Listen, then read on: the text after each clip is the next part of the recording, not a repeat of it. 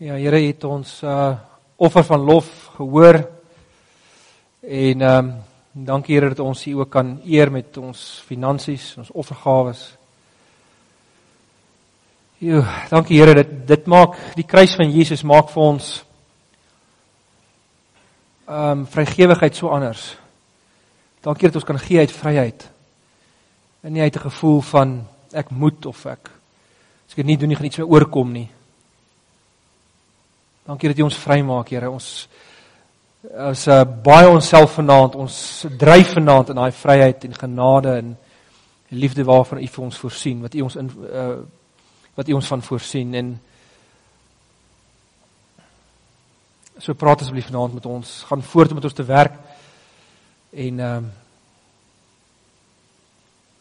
transformeer ons van binnekant af buitentoe. Amen.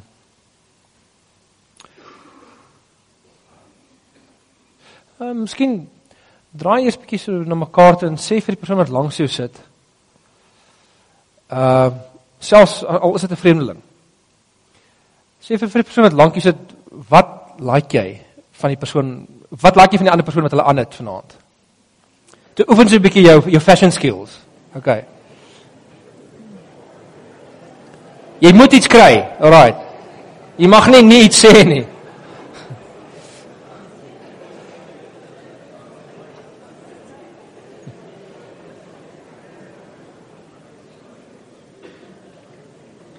Ah, dan sê hy, okay, nou Nou kan jy sê waarvan jy niks hou nie. Nee, nee, ons los dit al. Sy moet net maak gereed. Ehm um, nee, vat dit vat dit rustig. Ons praat vanaand oor 'n baie sentrale metafoor in die Nuwe Testament van die Heilige Gees. Maar dit is baie snaaks want ek het in my hele lewe in die kerk as 'n laity of selfs tot nou toe nog 'n teoloog of mense wat preek en ek's baie lief daarvoor om na ander ouens ook te luister wat preek en praatjies doen, uh het ek nog nooit gehoor dat iemand oor hierdie metafoor praat nie. Bietjie, maar hierdie is een van die hoofdinge, maar voor ons by dit uitkom, kom ons begin miskien by die heel begin. In die begin van die jaar toe ons die belsreeks begin het, het um ek vir hierdie vraag gevra en ek wil dit gou vanaand net weer vir noem met ons begin Ons begin net vanaand weer so 'n bietjie op dieselfde punt. Hoe sou jy mense motiveer om beter te wees? Hoe sou jy jou kinders motiveer tot hoër hoogtes? Dink gou so 'n bietjie daaroor. Sou jy dit doen deur vir hulle 'n prentjie te skets van die toekoms, van wat hulle potensiaal is of wat hulle eendag kan wees as hulle alles sou insit? Ehm um, baie bestuurders dink dis 'n goeie idee om mense te motiveer deur hulle gedurig uh, deur oor hulle skouer te loer, deur hulle te micromanage. Ehm um, ander mense glo nie jy moet mense meer vryheid gee om hulle te motiveer. Wat wat wat is die beste manier? Die Bybel is vol van maniere hoe die Here die mens motiveer. En hier in die Nuwe Testament toe, wanneer die storie van die Bybel half tot 'n einde kom, uh, wel hy's nie tot 'n einde nie, want hier sit ons nog vandag, maar wat ek bedoel is waar die Openbaringsgeskiedenis om die die tradisionele woorde te gebruik besig is om af te sluit sien daar's een baie sentrale ding wat die Here gebruik om mense mee te motiveer. Paulus doen dit konstant. Jesus doen dit in al vier evangelies. En dit is op grond van jou identiteit. Met ander woorde, wie jy is in jou eie oë. Ou wat wat bedoel ek daarmee? Ou ek gaan nou deurloop vir die volgende paar minute presies verduidelik wat ek sê, maar Die Here sê as jy nie reg dink oor jouself nie, dan gaan jy dit nie maak nie. Nou ons het die afgelope paar weke of of, of liewer die van die begin van die jaar tot nou toe het ons al heelwat uh, daaroor gepraat. Maar die mense in die wêreld het ook eintlik 'n sens daarvan van van jou identiteit is belangrik want ons stuur ons kinders op 'n gap jaar gesê gaan ontdek jouself. Ehm um, mense sal nie so lig geraak wees as ons hulle kritiseer nie of as mense ons kritiseer nie want mense voel dat jou identiteit word aangeraak. Dis regtig 'n baie sentrale ding. Ek weet nie of julle dit weet, wel ehm um, ja, ek weet julle weet nie, maar 73% van alle mense vandag sê om jouself te ontdek moet jy na binnekant toe kyk. Jy moet na binne jouself kyk. Dis onsaglik belangrik om te weet wie jy is om te presteer. As jy vergeet wie jy is, is jy in die moeilikheid. Die Titanic sou heel moontlik nie gesink het nie. as die kaptein van die Titanic nie vergeet het wie hy was nie. Want hulle het hom die sakemanne en besigheidsmense wat saam met hom of wat hierdie skip gebou het, het hom ge-challenge om binne rekordtyd in die FSA uit te kom en toe het hy bietjie vergeet dat hy in die eerste plek 'n skeepskaptein is.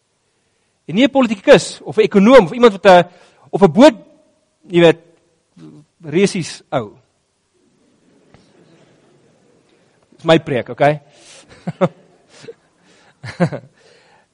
en hy het vir 'n oomblik vergeet wie hy is, dat hy actually 'n verantwoordelikheid het.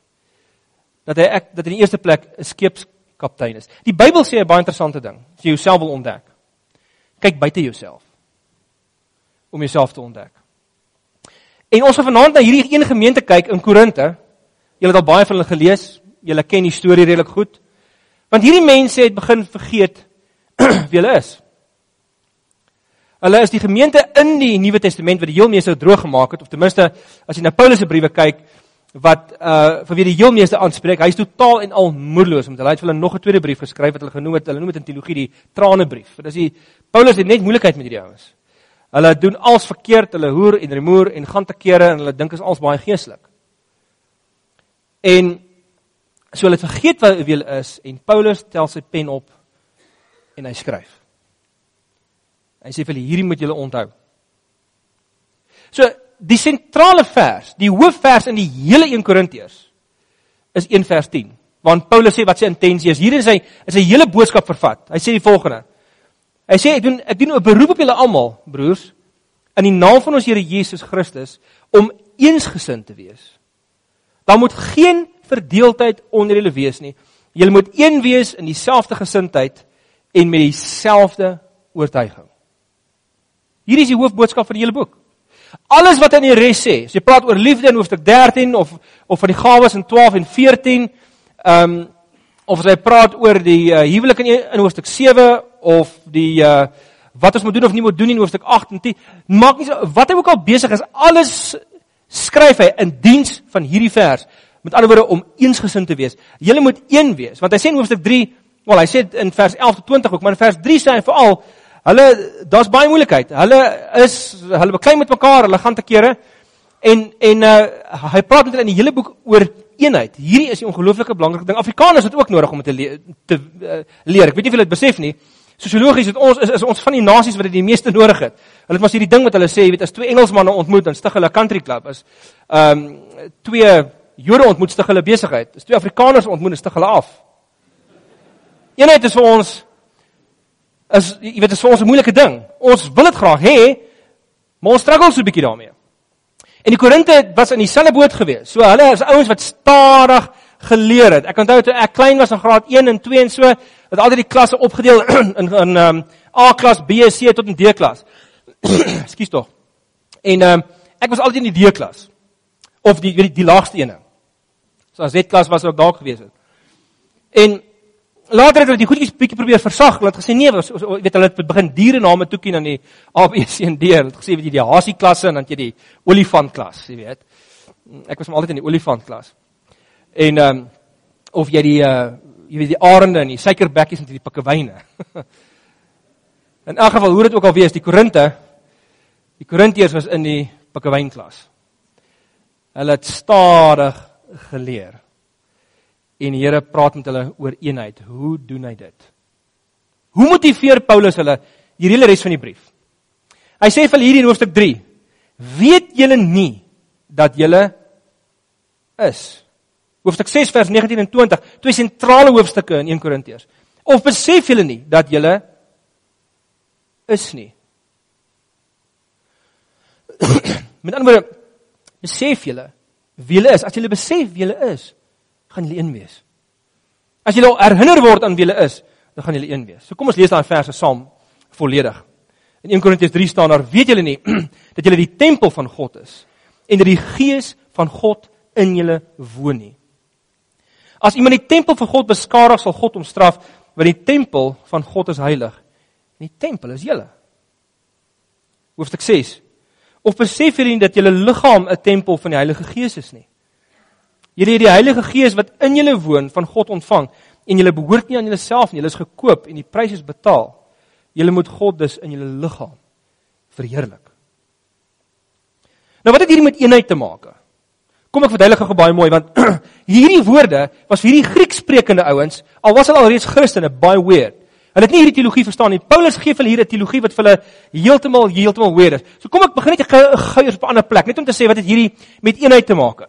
In Efesiërs 1, as Paulus praat met die gemeente van Efese en hy sê die hele hoofstuk lank, jy weet, wat het Christus als gedoen? Hy het ons geseën, hy het gekom in die kruis gesterf, hy het ons uitgekies, hy het al hierdie goedes gedoen vir ons. Hoekom het hy dit gedoen? Dan verduidelik hy dit in Efesiërs 1:9 en 10. Hy sê hy, dis nou Christus het kragtens sy besluit en voorneme die geheimnis van sy wil aan ons bekend gemaak en dit deur Christus tot uitvoering gebring op die tyd wat hy daarvoor bepaal het. Sy bedoeling, dis belangrik, sy bedoeling was om alles wat in die hemel en alles wat op die aarde is onder een hoof te verenig, naamlik onder Christus. Die doel van die evangelie is eenheid. Nie net hy sê nie om hy wil nie almal verenig nie. Alles, panta. Ekskuus tog. Kon hy was 'n water wat jy vir meneer gesit het. Jy het gesê dis iewers. Waar? Julle ekskuus. Agter o hierso. Ek het my kollegas so gespot nou dat hulle so water drink terwyl hulle preek en ek dieselfde doen. So môreoggend se vergaderingkie gaan met 'n belydenis begin. Dankie. So die evangelie gaan alles oor eenheid. Die destiny van hierdie planeet is eenheid. Aan die einde van alles gaan die Here alles saambind, gaan julle gaan die Here alles een maak. Jesus is die groot vereniger. Engels woord vir my amper mooi. Hy's die uniter. Hy hy hy's die een wat al alles en almal heen maak, heel maak onder een hoof. Dis sy doel. Onder een hoof, onder sy hoofskap wil hy die hele wêreld een maak. Dis ons destiny. Nou daar's 'n verskil tussen eenheid en konformisme. Ek het toe ek op skool was, het um, het ek konformisme gehad. Konformisme beteken almal lyk dieselfde. Hulle dress dieselfde, hulle doen dieselfde, hulle praat dieselfde. Daar's 'n hele stel reëls en almal moet daai goed volg. Want dis hoe almal uh, veronderstel wat is hoe almal in lyn hou. Jy weet dit is Hitler en Nazis in lyn gehou het. Konformisme is nie vir my 'n baie aantreklike ding nie. Ek dink ook nie dis 'n Bybelse beginsel nie. Jy aan die ander kant, aan die teenpool, het jy individualisme. Dan my begeertes en my uh impulse en dit wat vir my belangrik is is wat ek eers stel in my lewe. Ek stel myself sentraal. Die individu is belangrik. Dit gaan nie oor wat die samelewing nodig het nie. My besluite word nie gedryf deur dit wat die samelewing nodig het of wat die koninkryk van God nodig het nie. Al sê ek ek is 'n Christen, wat 'n besluite eintlik dryf, is dit wat vir my belangrik is. So ons het konformisme aan die een kant en individualisme aan die ander kant in die middel gee God vir ons. Hy sê nee, die redelike gemiddelde tussen hierdie twee is eenheid. Leef eensgesind. Want eensgesindheid is nie konformisme nie. In konformisme is daar nie ruimte vir diversiteit nie. In eenheid is daar hierdie amazing ruimte vir diversiteit. Ek gaan dit nou uitbring by die tempel van die Heilige Gees. Maar voor ons daarby kom, as ek dink aan eenheid, dan kan ek jy weet ek hou nie van om vreeslik nostalgies te wees nie, maar daar's een videoklip wat my verskriklik laat dink aan eenheid. En kom ons kyk gou daarna en uh, verrustig ons net, vir so 'n minuut of twee in hierdie ongelooflike oomblik van eenheid in Suid-Afrika se geskiedenis.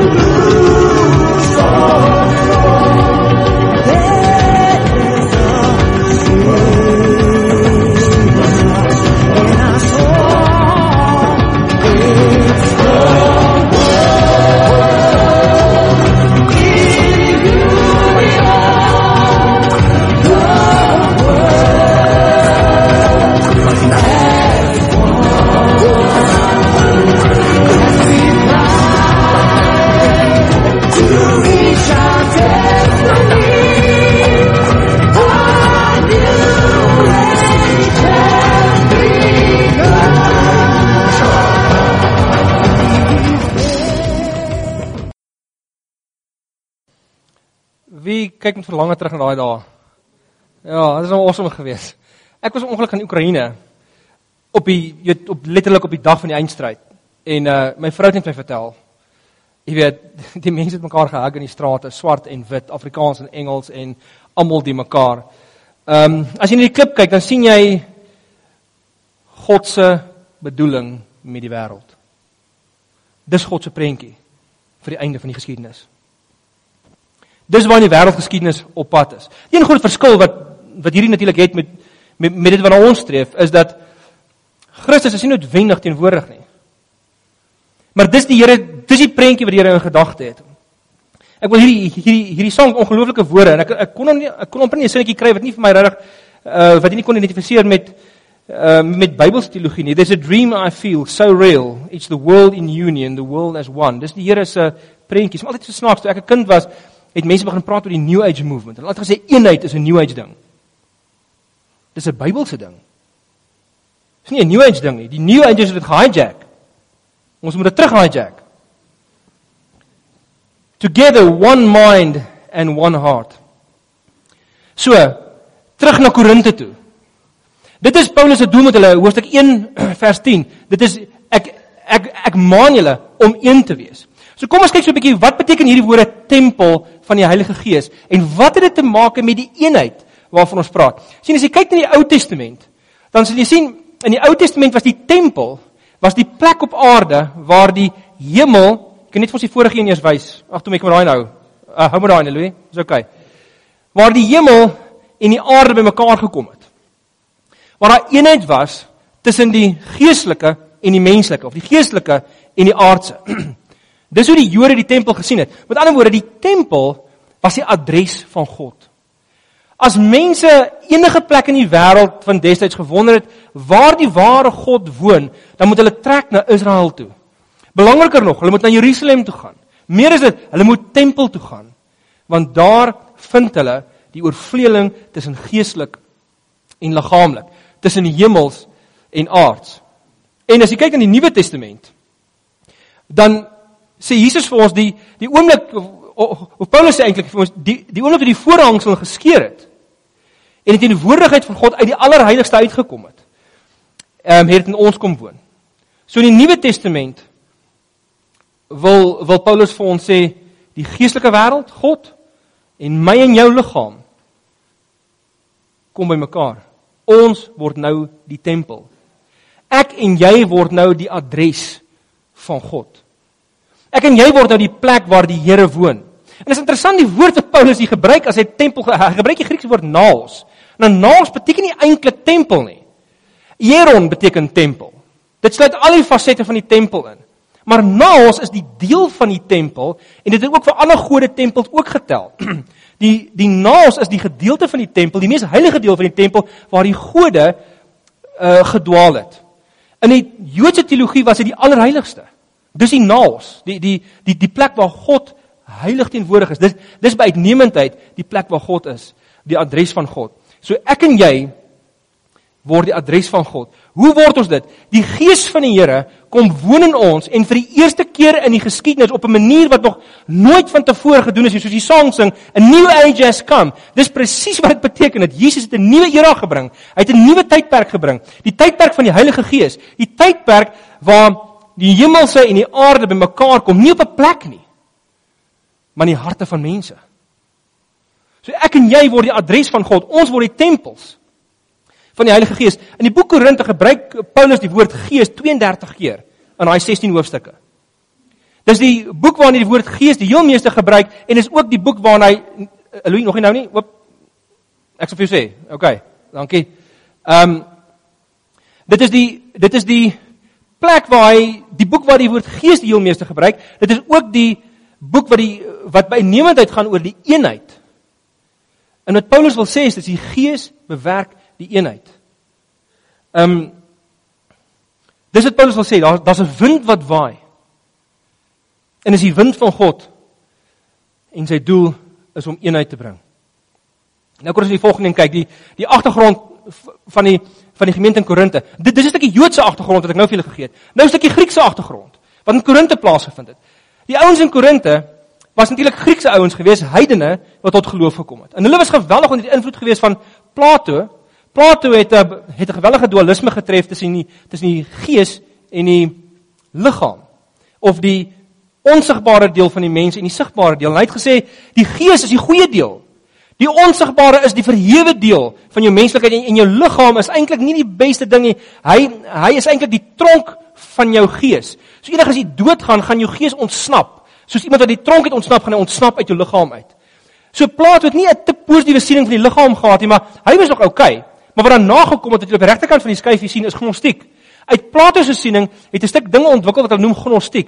Hierdie ouens het hierdie ding tot in die eindige tot op die uiterste gevat. Hulle het gesê liggaam en gees is vyande vir mekaar. Jy het nou wel 'n liggaam en jy het 'n gees, maar Jesus, dit moenie eintlik so wees nie. So met jou liggaam kan jy allerlei 'n klomp goed doen, maar jou gees moet hom met jy met heilige praktyke besig hou. Jy moet bid en met 'n klomp goeders doen. En Paulus kom en hy ehm um, hy skiet hierdie ding in die voet. So vir hierdie uh gelowiges in Korinte, hulle was Grieke geweest, nou kom hulle tot geloof. Hulle glo in Jesus. Hulle glo daar's net een God. Maar hulle leef nog met hierdie Griekse dualisme binne in hulle Christelike geloof soos wat baie mense vandag nog glo. Jou liggaam is nie reg so belangrik nie. En Paulus sê nee nee nee nee, wait a minute. Hier's eenheid wat plaasvind tussen die geestelike en die aardse, hele liggame, hele lewens word die simbool daarvan dat God by mense woon. Hele liggame, hele lewens word ehm um, word die word die plek waar die Here aktief is. En nou kom ons by die metafoor van die Heilige Gees. Die Heilige Gees is in Korinte, die primêre metafoor in Korinte In die Korinteërbrief, die Heilige Gees is die tempelbouer. Die Gees van God bou die tempel. Die nuwe tempel. Hy is besig om ons te bou. Die liggaamlike, sê Paulus, is eintlik diep geestelik. Die sigbare wêreld waarna ek en kyk, ek en jy kyk, is eintlik diep geestelik. Dit is amazing, wat dit beteken dat ek en jy kan die Gees se werking sien in die alledaagse aardse goed. Goed is waar ons in die tyd van die Ou Testament God nie noodwendig sou aantref nie. Maar in die Nuwe Testament kan ons die Gees se werking verwag om elke hoek en draai. Ons kan hom verwag in die liggaamlike, in die vleeslike, in die in die uh die sigbare wêreld waar waar waar ek en jy leef elke dag. En hier is 'n interessante ding. Daar's 'n beweging in die geskiedenis wat besig is om plaas te vind en die leier van hierdie beweging is Jesus. Hy is die geleier van die eenheidsbeweging. Dis nie die New Ages nie. Die Heilige Gees is sy projekbestuurder. Die kerk is sy is sy voertuig. En die taal wat ons gebruik is liefde en genade en insluiting. Hoekom insluiting? Want die as die Here die wêreld een wil maak onder sy heerskappy, dan beteken dit ons moet mense wat nie deel is van hierdie eenheid nie, deel maak van hierdie eenheid. Ons moet van hulle van Christus vertel. Ons moet hulle ins en by the way, ons moet hierdie eenheid wat aan die wat hierdie eenheidsprojek van God wat in die wêreld aan die gang is, moet ons aan die wêreld illustreer deur self een te wees. En wat doen ons? Ons sluit hulle in as deel van hierdie eenheid selfs nog voordat hulle glo. Net soos wat Jesus mense genooi het om hom te volg, volg my, terwyl hulle nog clueless was. Hulle het nie hulle teologie was in orde nie, hulle sonde was nie uitgesorteer nie, hulle niks was reg nie, maar het 'n geestelike journey met die Here begin. Dit is alreeds God het al ingesluit lank voor hulle uh lank voor hulle gevoel het eintlik of lank voordat ander mense sou dink dat hulle reg was hiervoor. Sien, die probleem in die Griekse Christene was, hulle het reeds Jesus aangeneem maar het nog in 'n dualisme geleef. Hulle het nie besef hierdie eenheid dat God is besig om 'n nuwe ding te doen nie. So 'n paar dinge om aan te dink net ter afsluiting. 'n Paar dinge om aan te dink. Sonde is in die eerste plek om te vergeet wie jy is. Dat jy die tempel van God is. Dat die Here in jou Jy besef nie hoe belangrik jy is nie. Dat die Here in jou 'n illustrasie gee, 'n uitdrukking gee van hemel en aarde wat bymekaar kom. Ek en jy is die nuwe tempel. En dis waarom hierdie ouens ek wil hierdie ouens het so droog gemaak in Korinte. Hoe spreek hulle aan? Hy sê nie vir hulle hoe sleg hulle is nie. Hy sê nie vir hulle julle is by the way, Paulus noem gelowiges nooit sondaars nie. Ek ek weet nie of julle dit weet nie. Dit beteken nie hy dink nie dat hulle nie meer droog maak nie, dat hulle nie sonde doen nie, maar dis nie meer hulle posisie nie. Onthou nou, Paulus sê jy motiveer mense primêr vanuit wie hulle is, wat hulle posisie voor God is, nie wat hulle doen nie. Want as jou identiteit afhang van wat jy doen die hele tyd, gaan jy dit eendag maak en die ander dag nie.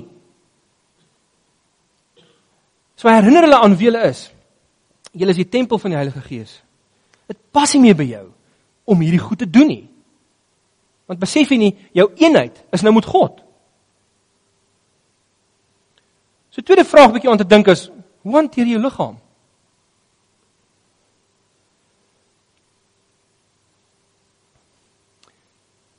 Ek doen baie skade aan my liggaam. Trouwens, is as daar iets is waarvoor jy my kan accountable hou.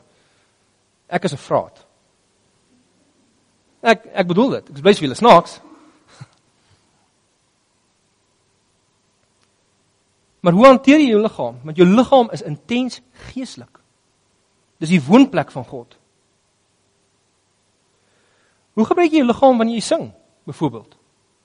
Die Bybel maak ons saglike belangrike ding. Jou liggaam is in 'n groot mate 'n sleutel tot geestelike vrugbaarheid, tot geestelike vernuwing. Dit dis kom Paulus sê en ag hy sê dit op soveel plekke, maar die bekendste plek wat ek nou kan dink is 1 Korintiërs 9:27, waar hy sê: "Daarom oefen ek my liggaam om dit onder beheer te bring, sodat ek nie ander oproep tot die stryd en nie self kwalifiseer nie." Jy weet wat as jy wil geestelik groei, oefen jou liggaam. Pas hom mooi op. Hoekom? Want dis waar God woon. Dit is die sfeer van waar God rond beweeg. So hanteer jy dit. So wanneer jy sing, moenie verskoning gebruik dat jy introvert is nie. Jy weet, wat wat nou stappietjie, jy weet. Volg die ritme van die sang. Moenie Dis dit behoort 'n natuurlike ding te wees. Ek ek, ek bedoel dit nie oppervlakkig nie. Jy jy gaan nuwe dinge ontdek wanneer jou liggaam begin engage in sekere in in, in geestelike dinge. En daarom moet jy nie bang wees. Ons sien nie almal daar in die lug gooi nie. As jy nie wil nie, weet los dit, maar dan lê iets daarin. Loof die Here met met jou liggaam. Dit want dis God se tempel. En die tempel moet samespeel met die dans van God in hierdie wêreld. Want jy en God is een. En nie die nuwe uitsin van die woord nie. God woon binne in jou. Neem die werk van die Gees ehm um, neem die werk van die Gees waar in alledaagse aardse dinge. Is die Gees is oë oop. Neem na die kruis van Jesus beteken dit dat ons kan selfs die werking van die Gees ontdek in diep hartseer in swaar kry. En dinge wat goor is, ons gaan donderdag aand 'n bietjie meer daaroor praat. Oor wat die Gees vir ons doen in swaar kry. En hoe hy ons ontmoet. Maar hoe hard streef jy volgende na eenheid met alle soorte mense? En hoe mate raak jou lewe 'n prentjie van daai video wat ons gesien het? Maar as jy Christen is, moet jou lewe iets van dit weerspieël. Sien ek en jy kan reeds Ons as gelowiges het 'n baie groter stuk eenheid om onder mekaar te beleef want ons het Christus as die as die een wat ons saambind. Maar hierdie eenheid moet ons kan illustreer aan mense wat nog nie glo nie. Ons moet ons medemenslikheid met hulle kan deel. En dis dis so ongelooflik belangrik. Hoe kan ons ooit die eenheid van Christus illustreer aan mense wat nie glo nie as ons nie baie keer insluit in dit wat ons doen nie? Ehm um, En ek bedoel hier by die kerk is dit nog maklik. Jy weet, hier sing ons lekker saam. Ons hug mekaar teen die ander se wil. Jy weet, jy ry uit by die parkeerarea, ry ry jy eers. Nee, ry jy, nee, ry jy eers, broer, weet nie. Ry uit en dan jaag jy uit en dan jaag 'n ou hier voor jou in en dan waai hom met een vinger. Ek doen dit ook. Maar ek gebruik hierdie vinger want ek's 'n predikant. Maar my hart gebruik ek die regte een. Hoe illustreer jy hierdie eenheid? Iemand wat in wat in het jy die vrede van iemand wat in eenheid met God leef? Hoe bewaar jy die eenheid binne in Oosterlig?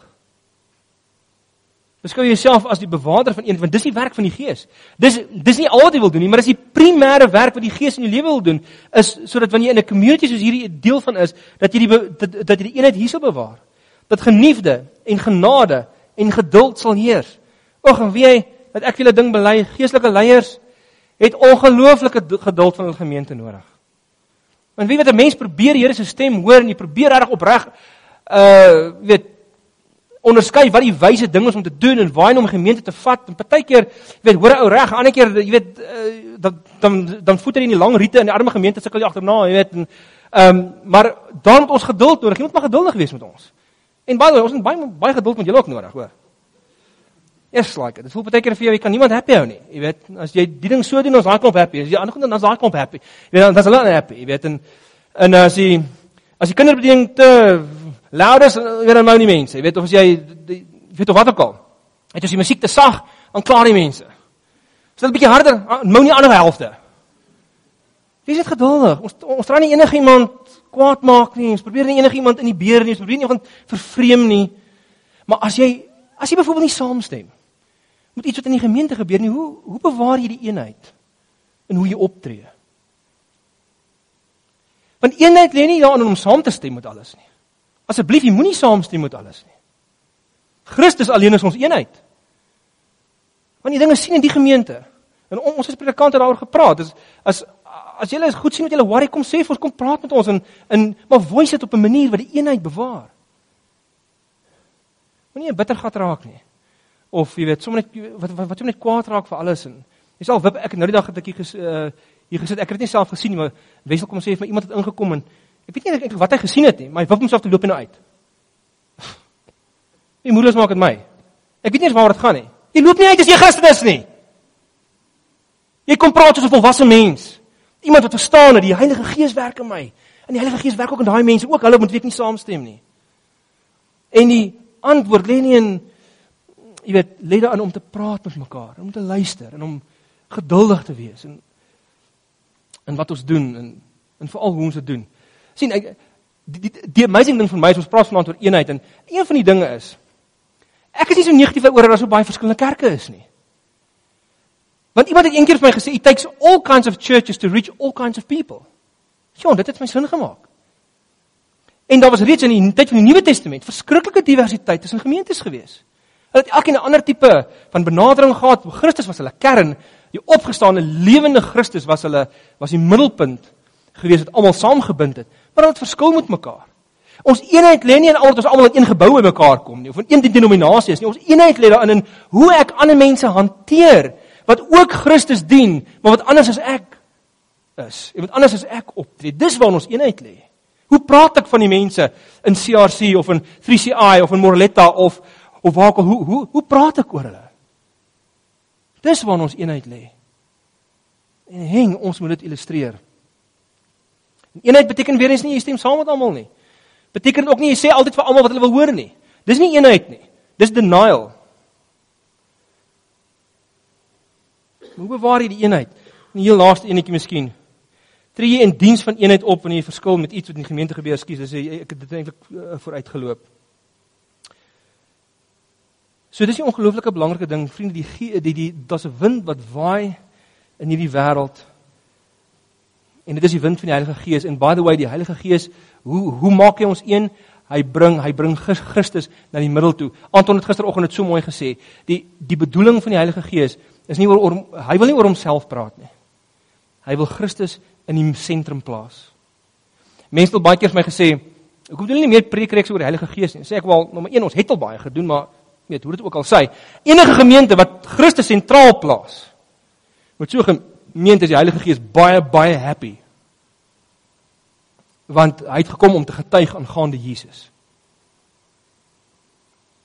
So hoe bring hy die eenheid? Hy maak hy maak ons bewus van wat Jesus gesê het, herinner ons aan dit wat Jesus gesê het. So ek wil julle vra dat die die res van hierdie week ons praat oor die wind van verandering en hierdie verandering is wat in die eerste eeu plaasgevind het. Dit is vir die Grieke nuwe nuus. Dit is hulle groot stuk verandering wat hulle moes aanvaar. En ek onthou toe ek uh jonk was, het my pa my en my boetie altyd gevat baie keer op Sondag daar in die dieretuin meer toe in Johannesburg. En da, ek weet nie wie van julle al daar was nie, jy kan nou so skei hier en dan roei kan jy nou so lekker uur rond roei daar op die meer en dan kom jy nou terug. En ek verstaan nog gesê my pa vir my, hoorie Rolf, van hou jy nog van vir ons 'n boot, ek betaal so dan kry ek die kaartjies en goed. En ehm um, ek het dit al vir julle vertel baie lank terug, maar julle gaan nie onthou nie. En uh ek hou toe die ek kom toe net 'n mooi geel boot. Geel is nog altyd my favourite kleur. En ek uh sien 'n mooi geel boot en ek staan met een voet op die kaai, my ander voet op die boot. Jy weet dit om seker te maak. En ek kyk so lekker op na die hemel en toe ek weer so vorentoe kyk, toe sien ek die water is net so eentjie onder my. En ek kyk so reg en ek sien my regtersvoet daar. En ek doen 'n split wat enige gimnas groen sal maak van jaloesie. En dog myself, ek wil, dis nie 'n probleem nie. Dis waar ek dis waarvoor ek al my sit-ups doen. So ek gaan net eenvoudig so af myself opwip hier in die kant van die kaai so onder in swing en dan as ek bo, maklik. Ag en toe ek los as ek in die water. Poef, staan ek hier so so.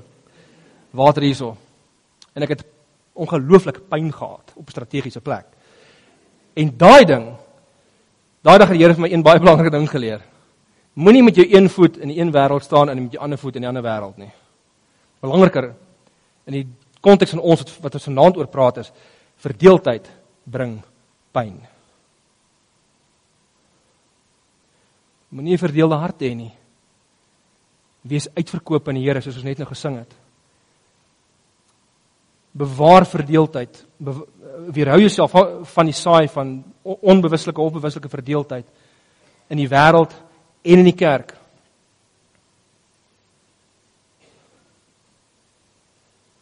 Eenheid is ons destiny. En 'n geesgevulde lewe streef daarna. Die Korintiese gemeente het hulle kans gehad. Vandag is ons beurt. Die aflosstokkie is vir ons gegee. Ons leef in hierdie tyd in die geskiedenis.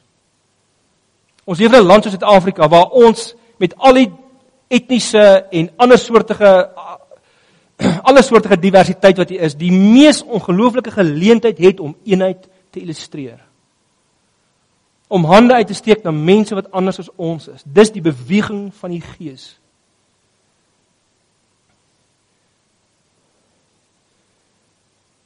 Vandag is dit Suid-Afrika se beurt, die wêreld se beurt. Vandag is dit oosterlig se gebeur. Dis ons cue, dis ons stukkie venster in die geskiedenis. Wat gaan jy daarmee doen? Sal jy asseblief onthou wie jy is? Sal jy my herinner aan wie ek is? As jy sien my lewe haak uit, ek nooi hulle uit. Julle het inspraak in my lewe. En ek weet my kollegas voel dieselfde. En die leierskap ook. Ons het mekaar nodig. Kom ons bewaar die eenheid. Kom ons sluit al hoe meer mense in binne hierdie eenheid. Kom ons join die projekbestuurder van die Here, die Heilige Gees wat besig is om hierdie werk hierdie wêreld een te maak. Dis daarom wat ons sing there's a wind blowing. Dis daarom wat ons sing there's a fire burning. As die vuur van die Gees in jou brand, dan is hierdie waarvoor jy leef. En dan is hierdie wat jy wil illustreer. En dis op dit hang van my en jou af en hoe gaan dit uitspeel ons gesinslewe in ons huwelik waar ons werk. In ons vriendekringe. Ons op vakansie gaan. Want nou is daar nie meer geestelik en sekulêr nie. Alles is geestelik. Want die gees is aan beweeg in hierdie wêreld. Die vraag is of ek en jy dit raak sien. En of ons sy projek join.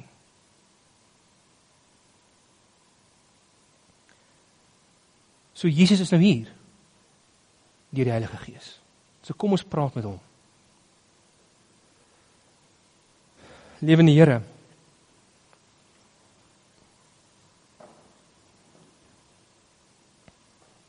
Uh, sjoe. Ek kan nie help as om heel wat soos die Korintiërs te voel nie. Of dink dat dat dat, dat my lewe so lyk nie, Here, ek skiet so ver te kort. Ek dink baie van ons se lewens skiet so ver te kort. Here, ag ons wil nie ons wil vir dankie sê dat U gesterf het vir ons tekortkominge, dat U gesterf het vir ons sonde, vir ons droog maak, dat U gesterf het vir dat U reeds in ons plek betaal het. Dankie dat U vir ons hierdie nuwe amazing identiteit gegee het, dat ons U adres geword het ongeag wat ons doen. Dit hang net van ons af watter soort adres gaan ons wees? Watse soort verteenwoordiging gaan ons van U wees? So Here, help ons. Help ons. Ek ek ek, ek wil vra Here dat, dat U hierdie gemeente, hierdie ongelooflike community, begaafde en potensiaal gevulde community sy eenheid selfs nog verder sal versterk.